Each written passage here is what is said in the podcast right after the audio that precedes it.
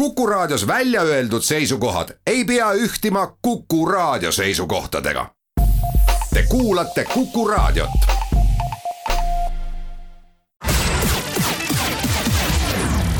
nädala Tegija. nädala Tegija astub hääletusammuga RM stuudio põrandal. ja tere nüüd ka Nädala Tegija stuudiost. selleks, et vaadata tagasi mööduvale aastale, kohe läbisaavale aastale, olen palunud Nädala Tegija stuudiosse peaminister Jüri Ratase. härra peaminister, tere tulemast Kukusse! tervist ja väga suur tänu kutsumast! saatejuht on Ulla Lents no kui ma siin ütlesin sissejuhatust tehes, et me vaatame aastale tagasi, siis ega see põhiteema on ju teada. et meil on praegu jõuludeni jäänud ainult natuke aega ja ma arvan, et igaüks rohkem kui ükskõik missugust jõulukinki ootab praegu seda, et see koroona jama ükskord läbi saab ja et me saame minna tagasi oma igapäevase elu juurde vaadates seda, mis teistes riikides toimub, me võime öelda, et antud hetkel isegi siis, kui meil Narvas on suured piirangud, kogu Ida-Virumaal on suured piirangud, lapsed ei saa koolis jõulupidusid pidada, on meil ikka veel hästi. Jüri Ratas, kas veel enne, kui aasta läbi saab, võib juhtuda, arvestades nakatumise arvu, et äh, reeglid meil lähevad rangemaks ja jõulud tulevad veel koledamad, kui me oskame ette kujutada. Ja ma veel kord tänan kutsumast ja vastates nüüd sellele küsimusele, siis eks valitsus tegelikult täna vaatab põhimõtteliselt iga päev eh, üle, mis on, mis on olukord, me oleme ma arvan, et nädalas mitmeid kordi ma olen ühenduses professor Irja Lutsariga, samuti Üllar Lannaga Terviseametist, politseiga, regioonide juhtidega, kohalike omavalitsustega, nii et eh, öelda selles väga keerulises tervishoiu majanduskriisis ja põhimõtteliselt iga sektor on kriisis, ma rääkisin just ühe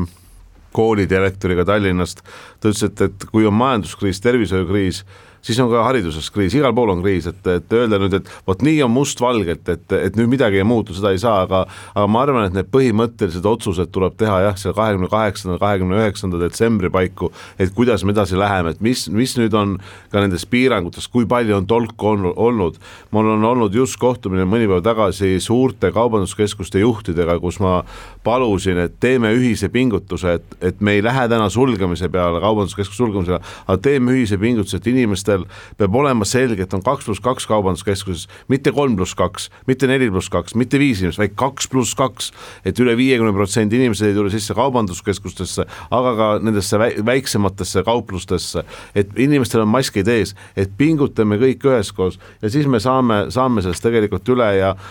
kui ma mõtlen korraks selle aastale tagasi, siis äh, ma olen nõus esimene sõna, mis ma arvan, kõigil tuleb meelde, on sõna Covid, mida me vaevalt et aasta tagasi veel tundsime ja seal taga veel üheksateist, Covid üheksateist on selle haiguse nimi, aga ma arvan, et see aasta on nii nagu ikka aastad, oma, oma plusside ja miinustega aasta, kindlasti välispoliitilises kontekst, kontekstis, ta on kindlasti aasta, kus on Mägi-Karabahhi konflikt olnud, Valgevene presidendivalimised ja peale seda kõik, mis on juhtunud Valgevene vaba äh, ühiskonna, kodanikuühiskonna vastu, et me peame kindlasti toetama seda aga ma arvan, et see on olnud ka ÜRO Julgeolekunõukogu aasta Eesti jaoks esimest korda. see on kindlasti olnud, ma ütleks laialdaselt, see on kliima-aasta olnud, kus me oleme väga palju kliimaotsuseid teinud Euroopa Liidu tasandil, Eesti tasandil ja ma arvan, need on olnud õiged otsused. see on olnud ka aasta kliima mõttes, kus on tulevane USA president öelnud minu meelest, et esimesel päeval, kui ta on ametisse vannutatud, ta tuleb tagasi Pariisi kliimakokkuleppesse, see on suurepärane uudis. ma arvan, et see on olnud Euroopa jaoks kurb aasta. kolmkümmend üks jaanuar kaks tuhat kakskümmend oli viimane kuupäev, kui meid oli kakskümmend kaheksa Euroopa Liidus, Suurbritannia lahkumine. ma arvan, et siin, siin võitu ei ole kellelegi, kellelegi leida, aga tõesti, ta on olnud ka kindlasti WRC ralliaasta, esimest korda maailma, eh, maailma autoralli etapp Eestis, ta on olnud digikultuuri aasta ja nüüd seda haakida just selle Covidiga me näeme seda, et kui palju me oleme õppinud, koolitunnid, koosolekud, isegi sõpradega reede-õhtused kohtumised on meil äh, Zoomis või, või, või Skype'is. ja lõpetuseks ma, kui seda korraks seda aasta, aasta peale tagasi vaadata, ma ütlen, et, et ma soovin ka nagu positiivselt vaadata, tegelikult see on aasta, kui me koputame aastale kaks tuhat kakskümmend üks, kui möödub kolmkümmend aastat Eesti taasiseseisvumisest. nii et see on positiivne uudis, mida me kindlasti järgmine aasta saame tähistada no vot, see, kui meil järgmisel aastal on midagi head ja kui me midagi üldse tähistada saame, siis selle aluseks on see, et me tuleme sellest keerulisest haigusest välja me oleme kõik näinud neid pilte, kuidas Suurbritannias vaktsineeriti esimesed inimesed, USA-s on hakatud inimesi vaktsineerima. miks me eurooplas nii aeglased oleme, mis päev on see, kui me näeme seal kuskil telepildis seda esimest eestlast, kes saab selle vaktsiini või eestimaalast? Jah, et ma arvan, et see pilt äh, saab olema vast väga emotsionaalne ja positiivses mõttes, et äh, heas mõttes toob sellise äh, Äh, äh, külmavärinad ihule, et, et äh, positiivses mõttes, et me, me ju ootame seda ja ja tegelikult täna me saame öelda, et see on selline valgus, mida, mis tunneli lõpus paistab ja, ja see valgus on mitte see, et tuleb see rong meile vastu, vaid see valgus on lootuse valgus, see valgus on tegelikult noh, pääse ja ja, ja, ja, ja usu ja armastuse valgus, aga kindlasti on see, et et nüüd, kui see vaktsiin tuleb, esimene eestlane saab vaktsiini, see ei tähenda, et järgmisel päeval kõik üks koma kolm miljonit on vaktsineeritud, me peame sellest aru saama, et see ei punkt üks, me ei saa kõiki neid vaktsiinidoose kohe, punkt kaks, kui saadakse vaktsiin, siis peab olema kakskümmend üks päeva vahet, tuleb saada teine vaktsiin ja alles siis ta toimib sada protsenti, jah, me oleme valitsuses heaks kiitnud kaks Covid-19 vaktsineerimise plaani, hetkel on siis suur uudis see, et me väga loodame, et see luba Euroopa Ravimiameti poolt, lõpuks Euroopa Komisjoni poolt antakse veel ennem jõulupühi, see on kahekümne kolmandal detsembril, selle peale praegu käib see suur lootus, mis võib anda tõesti võimaluse, et vaktsiini, vaktsiinid jõuavad Eestisse juba võib-olla selle aasta lõpus. aga mulle väga meeldis täna see, mida ütles Euroopa Komisjoni president Ursula von der Leyen ja see on väga õige, stardijoon ole sa Prantsusmaa või ole sa Eesti, ole sa Saksamaa või ole sa Malta, Euroopa Liidus hakkab kõik vaktsiin, vaktsineerimine ühel ajal. et me tõesti esimese vaktsiini, ütleme koguse osas, mida me loodame saada siis järgmise aasta esimeses äh, kuus jaanuaris, on kindlasti meditsiinitöötajad, hooldekodud, hooldekodutöötajad, hooldekodu kliendid, sealt edasi tuleb minna nende juurde, kes on kroonilised haiged, politsei, pääste, õpetajad, aga ka kaubanduses näiteks needsamad kassiirid, müüjad, kes on samamoodi esiliini töötajad, et neile tuleb seda vaktsiini kõige kiiremini pakkuda selge on see, et väga väikese ajavahemiku jooksul, nii nagu vaktsiin saabub, vaktsineeritakse väga palju inimesi. kui te valitsuses panite kõik need plaanid paika, kui täpselt me oleme ikkagi otsustanud selle, et kõik see ahel meil toimib. et kõik need tingimused, kuidas vaktsiine hoitakse, et kõik need võimalused, kuidas see inimeseni jõuab, et see inimene jõuab arsti juurde, arstikeskuste võimekus, et äh, kui kaljukindel on see, et vaat kõik need iga viimne kui lüli toimib korralikult minu meelest hea saatejuht, see on nii eestlaslik küsimus, et kas kõik on sada protsenti ja on must või valge, kas toimib või ei toimi. et me oleme kriisis et öelda, et äh, kõik läheb nagu lepase reega, et vaktsiinid tulevad, nii palju tulevad, kui me soovime. ma arvan, et seda ei julge ükski, ükski riik täna öelda, seda ei julge ükski riik täna öelda, aga see, mis me oleme teinud pikki-pikki kuid Euroopa Liidu ülemkogu tasandil, mida on teinud sotsiaalministrid, tegelikult terviseministrid, et valmistada ette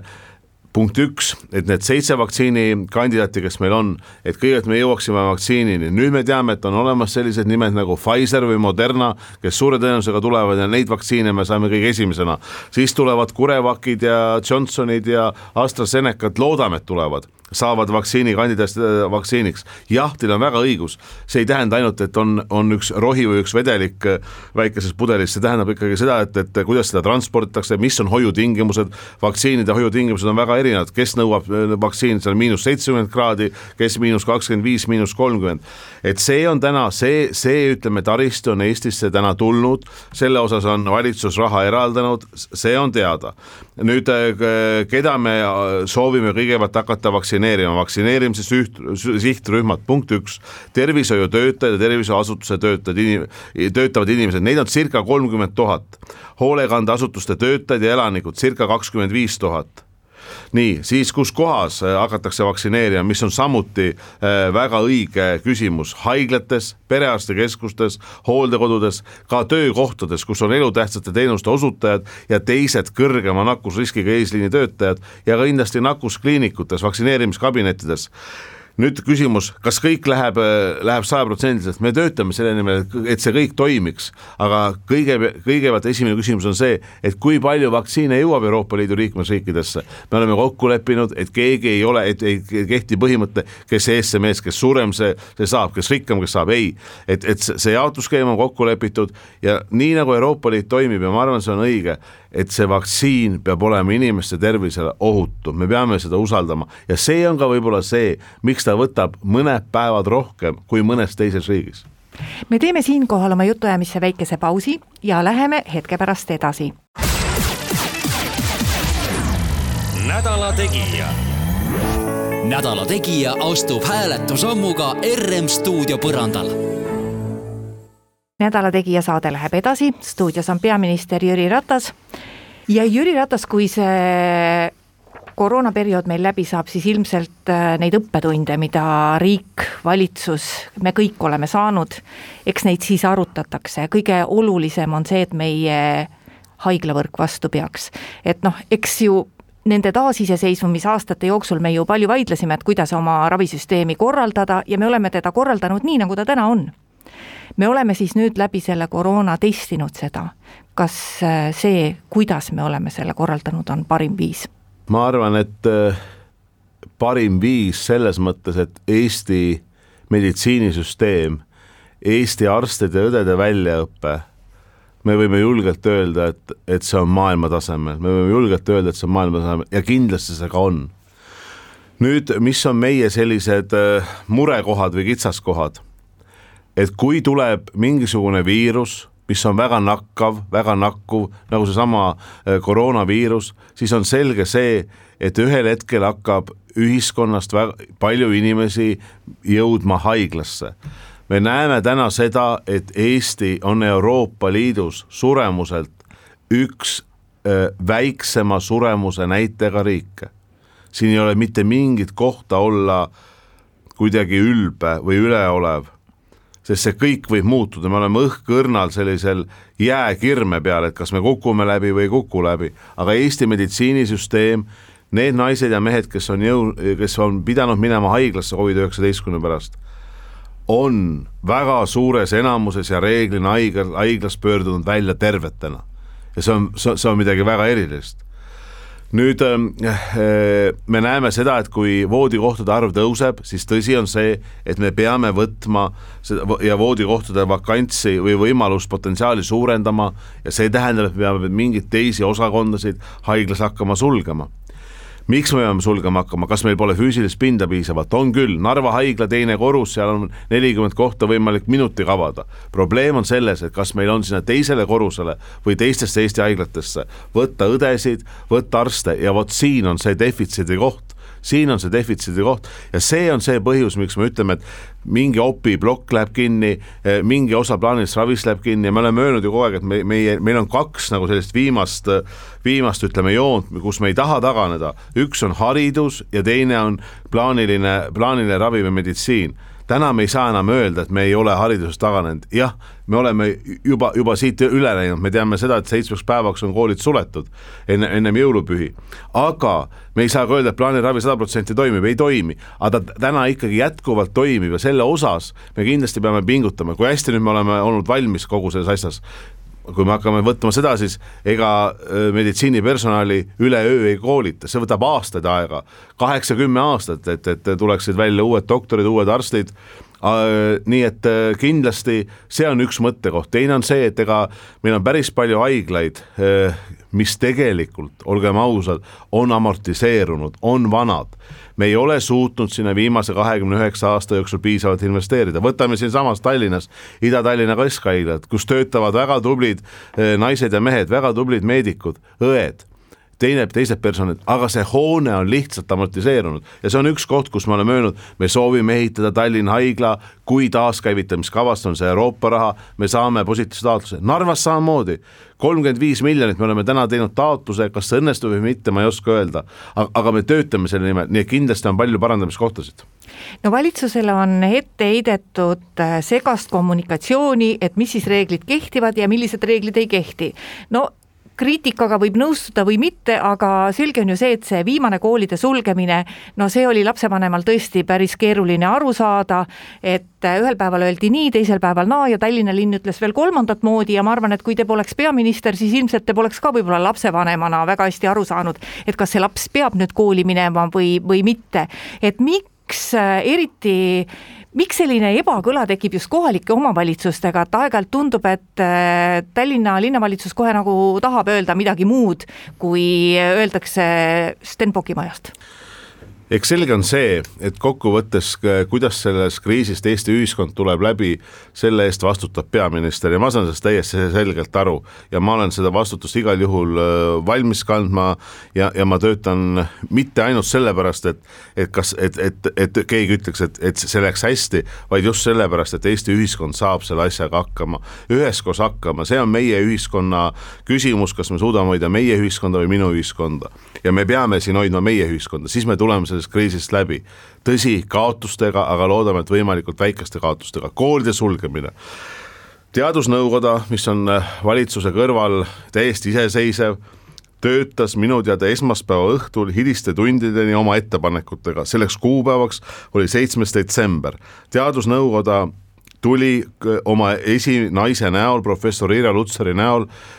valitsuse kabineti nõupidamisele kaheksas detsember, mis oli teisipäeval ja see algas hommikul kell kaheksa ja kestis kella kümneni, kus ta pani lauale teadusnõukoja ettepanekud, kus sees oli ka koolide viimine distantsõppele, välja arvatud lasteaiad ja põhikooli esimene aste ehk klassid üks kuni neli mina ütlesin peale selle koosoleku lõpus professor Lutsar ja kõigile valitsuse liikmetele, et nüüd on vaja meil ka korraks selle peale mõtiskleda, seda arutada, me teeme seda täna ja homme, läks vähem, ma arvan, et ütleme, läks kakskümmend neli tundi ja me suutsime valitsuses leppida põhimõtteliselt kokku, et jah koolid lähevad kinni, nii nagu tegelikult teadusnõukoda palus, tõsi, ka klassid üks kuni neli. lasteaed jääb, lastehoid jääb, lastehoid jääb ja peale seda läks veel kakskümmend neli tundi ehk kümnes detsember, mis oli neljapäev, kui valitsus oma otsuse tegi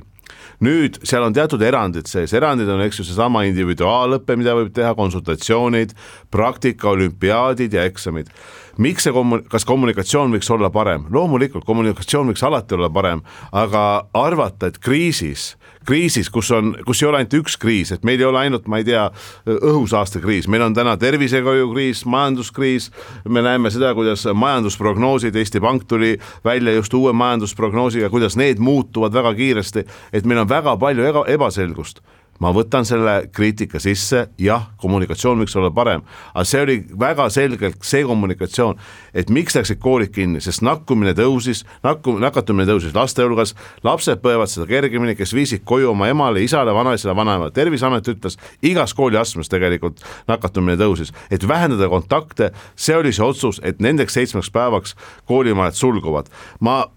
rääkisin mitme Tallinna kooli direktoriga ja kõik ütlesid, Jüri, see ei ole maailma lõpp haridussüsteem, meie õpetajad tulevad sellega toime ja muidugi nad tulevad sellega toime, selle seitsme päevaga, et see teha,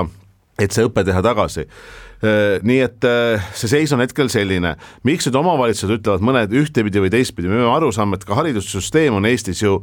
ütleme selles mõttes, et on koole, kus on koolipidajaks kohalik omavalitsus, nüüd on meil koole, kus koolipidajateks on riik väga palju, järjest rohkem ja rohkem riigigümnaasiume, aga on koole, kus on tegelikult erasektor koolipidajaks. ja, ja, ja, ja loomulikult koolid puudutavad Eesti inimesi praktiliselt kõiki, kes on, kes on õppija, kes on vanemad, kes on vanaisa, vanaema. Ja, ja loomulikult see puudutab, aga, aga see põhimõte, kuidas mina nägin, et ma suhtlesin ka, ma arvan, üks kümnekonna kooliga, tegelikult koolid tulid väga kiiresti sellega kaasa, oli koole, kes ütles, esimene kuni kuues klass lõpetab äh,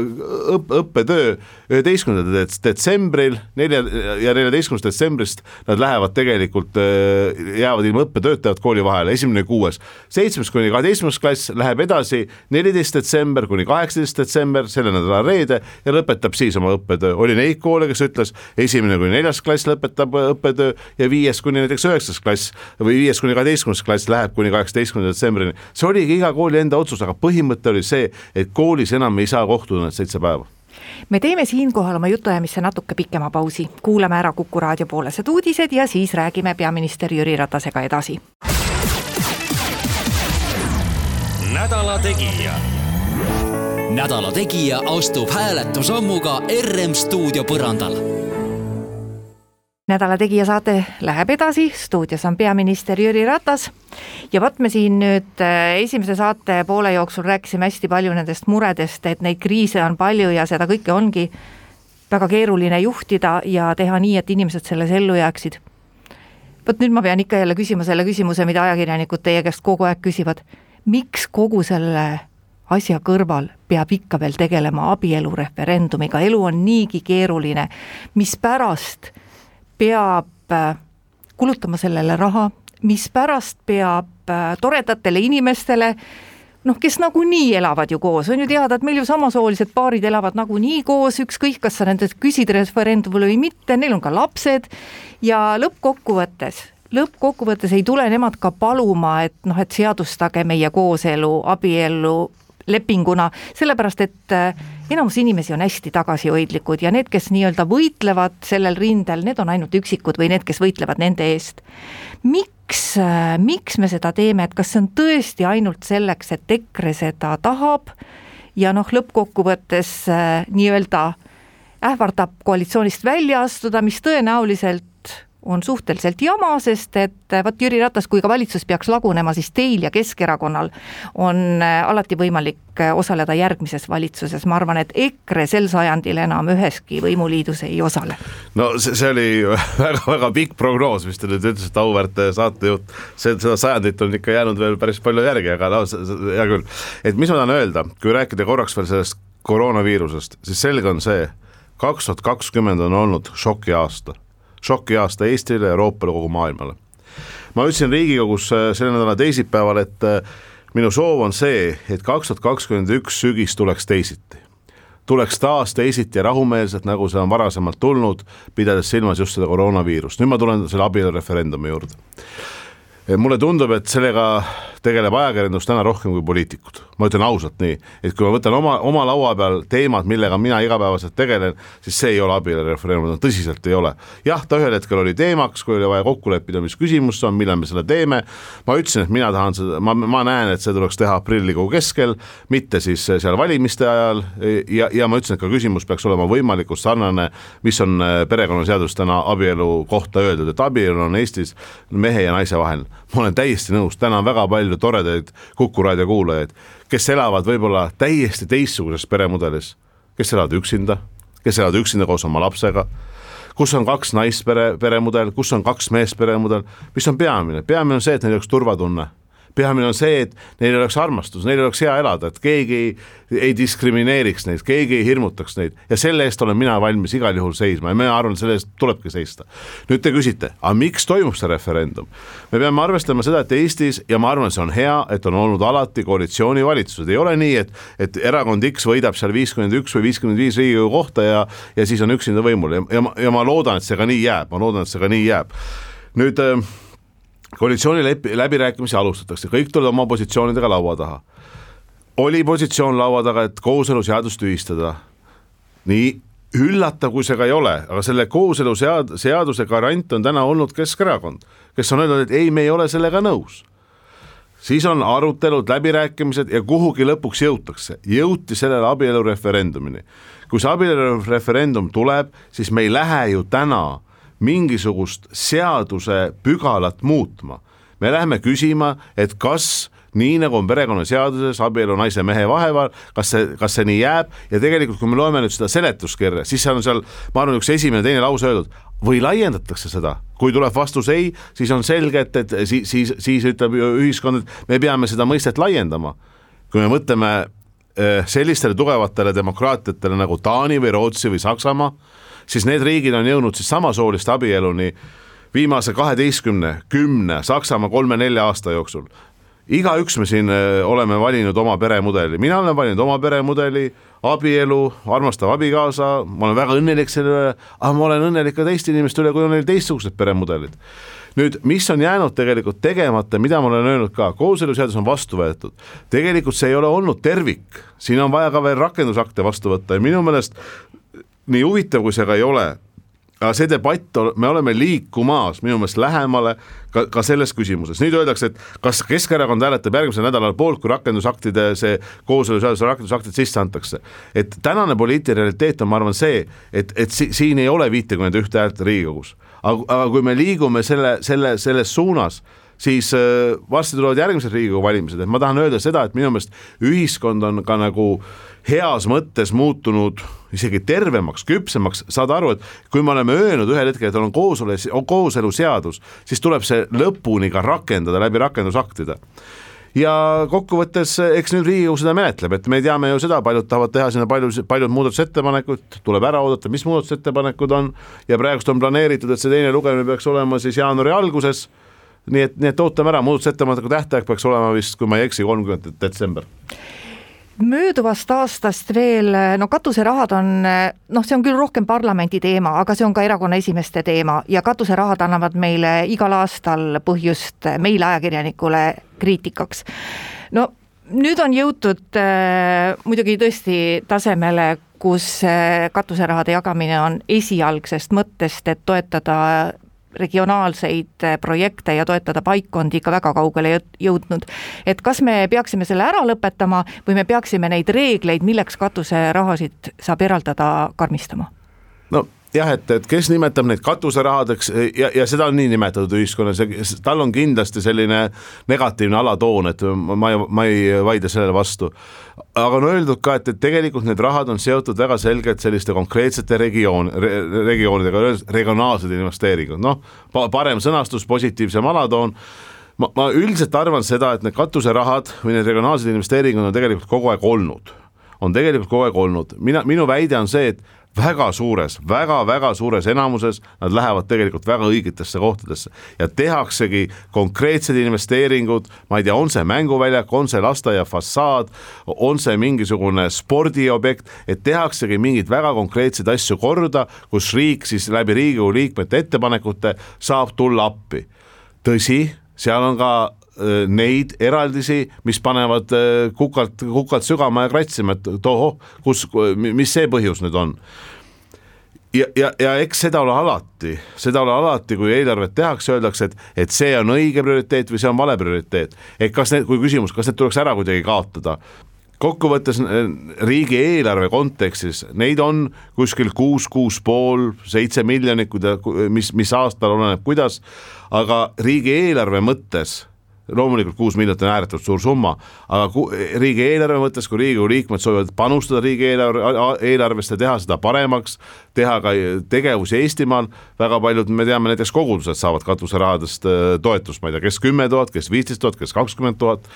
ja, ja ma arvan, see, see, see on nagu õige suund või et see ei ole nagu halb. et, et mina kindlasti ei ütle siin raadiosaates, et kogu, koguda sellist odavat populaarsust, et me peame need katuserahad või need regionaalsed investeeringud ära, ära äh, lõpetama, aga see, kas need peaksid olema nagu läbipaistvamad, selgemad selle, selle osas ma olen igal juhul poolt ja ma toetan seda, aga, aga ma ei, ma ei, ma ei kuidagi ei saa nõustuda, sest ma tean ju ise ka, et, et nad lähevad konkreetsetele, väga palju läheb kodanikuühiskonda, kolmandasse sektorisse tegelikult.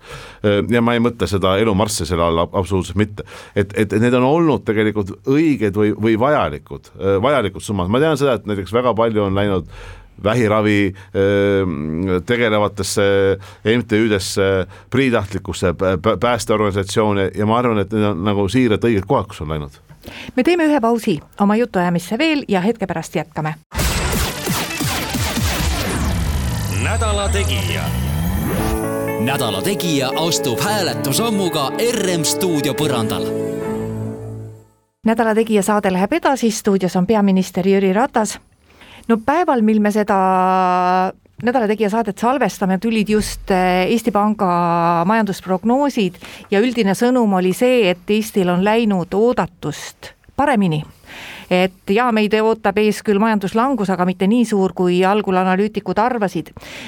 me teame, et praegu on palju toetusraha selleks, et see kriis üle elada, tulemas Euroopast, aga me teame, et väga palju on ka sektoreid, kes seda raha vajavad ja noh, mõned sektorid ikkagi taastuvad ilmselt väga kaua.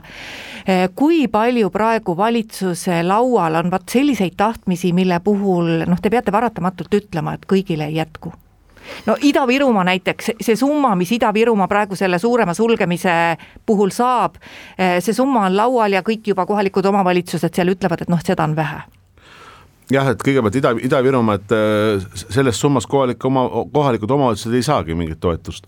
et, et, et see summa, mis on viis miljonit, suurusjärk kaks koma kaheksa miljonit, sellest läheb Ida-Virumaale, seitsesada tuhat siis täiskasvanutele ja laste huvitegevus, huviharidus, lisaks sport, lisaks äh, eraharidus ja kaks koma üks miljonit äh, läheb siis äh, erasektorisse, nendesse ettevõtetesse, mis me sulgesime ja kohalikud omavalitsused kevadel said kriisiabi, said mitmekümneid miljoneid keskvalitsuse käest just koroonaviiruse kriisiabi. kas seda on vähe või palju, Ida-Virumaad kindlasti me ei jäta üksi. Punkt üks, punkt kaks on see, et, et see ei ole Ida-Virumaa mure, ma olin ka pool, ütleme poolteist nädalat tagasi Narvas, Sillamäel, Kohtla-Järvel, ma ütlesin samamoodi, see ei ole Ida-Virumaa probleem, mis on praegust on, see on terve Eesti mure täna võib-olla on Narva, aga homme on Tallinn, eile oli Tartu, aga võib-olla üleeile oli Saaremaa. see on terve Eesti mure, see on meie kõigi Eesti, Eesti inimeste mure, see on Eesti rahva mure, Eesti riigi mure, me peame seda koos lahendama. nüüd äh, need ettevõtted, neid on kuskil kakssada, kes on, said pihta sellest sulgemisest. Äh, andmed ütlevad, et nende äh, käive oli aasta tagasi kuskil kaks koma kaheksa miljonit. täna on riik öelnud, et väga kiiresti me selle otsuse tegime, et kaks koma üks miljonit me sellest kompenseerime. esiteks see aasta tagasi detsembri käive kaks koma kaheksa miljonit, me peame arvestama, et täna nad said tegutseda üksteist, kaksteist päeva detsembris. et see on vähemalt üks kolmandik kuust. teiselt poolt on selge see, et kaks tuhat üheksateist väga suure tõenäosusega oli ikkagi edukam aasta kui kaks tuhat kakskümmend, sest nüüd on see koroonaviirus ja see on väga palju välisturiste, kes kindlasti oleks Ida-Virumaale muidu tulnud ka nendesse väga toredatesse ja mõnusatesse spaadesse, kuhu ma kutsun igal juhul inimesi minema järgmisel aastal, kui nad on taas avatud. et see mõte on see, et see raha annab usku ja kindlust, et siit saavad need ettevõtted üle üle minna, nad saavad oma majandustegevust jätkata ja nad saavad ka inimesi hoida tööl edasi vaadates sellest koroonast eraldi veel natuke ka tulevikku, siis äh, Euroopa rohelepe, see on see, mis paneb meid Ida-Virumaa peale mõtlema ka kaugemas perspektiivis, ehk see on see kokkulepe, mille valitsusjuhid ju aasta tagasi sõlmisid, saada Euroopa kliimaneutraalseks aastaks kaks tuhat viiskümmend. kui selged plaanid on teil sellega, mis, missugused ümberkorraldused meil siin kümne, kahekümne aasta jooksul Ida-Virumaal toimuvad. kui palju sinna raha tuleb selleks, et seda teha, meil ei ole ju tegelikult neid lõpptärmineid, ma ei saa teie käest ilmselt küsida, et millal on see põlevkivi viimane kuupäev või aasta, et meil ei ole seda, aga mõned tärminid võiksid olla, näiteks mõned riigid on öelnud, millal on see aasta, millal enam bensiiniautosid uusi müüa ei saa. jah, tõesti, minu käest ei hea ja armas saatejuht ei saa seda lauset kätte, et, et põlevkivi lõpeb Eestimaal sel hetkel ära. ma ütlen, kõigepealt ma ütlen hoopis vastupidi. ma ütlen, et kogu Eesti majandus, majandussektor, tööstussektor on seisnud väga tugevasti ühel meie loodusvaral, mis on andnud meile elektrit ja, ja ütleme, energiat, see on põlevkivi. see on olnud aastakümneid nii. see on tulnud Ida-Virumaalt, mis omakorda kus on olnud tublid inimesed, kes on töötanud ja täna töötavad seal, insenerid, kaevurid, teised personal. nüüd see on tähendanud iga päev see kopp, ütleme piltlikult öeldes, mis seda põlevkivi sealt maa, maa alt maa peale toob, on vähendanud Ida-Virumaa elukeskkonna kvaliteeti. Ja me peame ütlema nüüd selgelt seda, et me peame rohkem andma tagasi Ida-Virumaale, kui me oleme täna andnud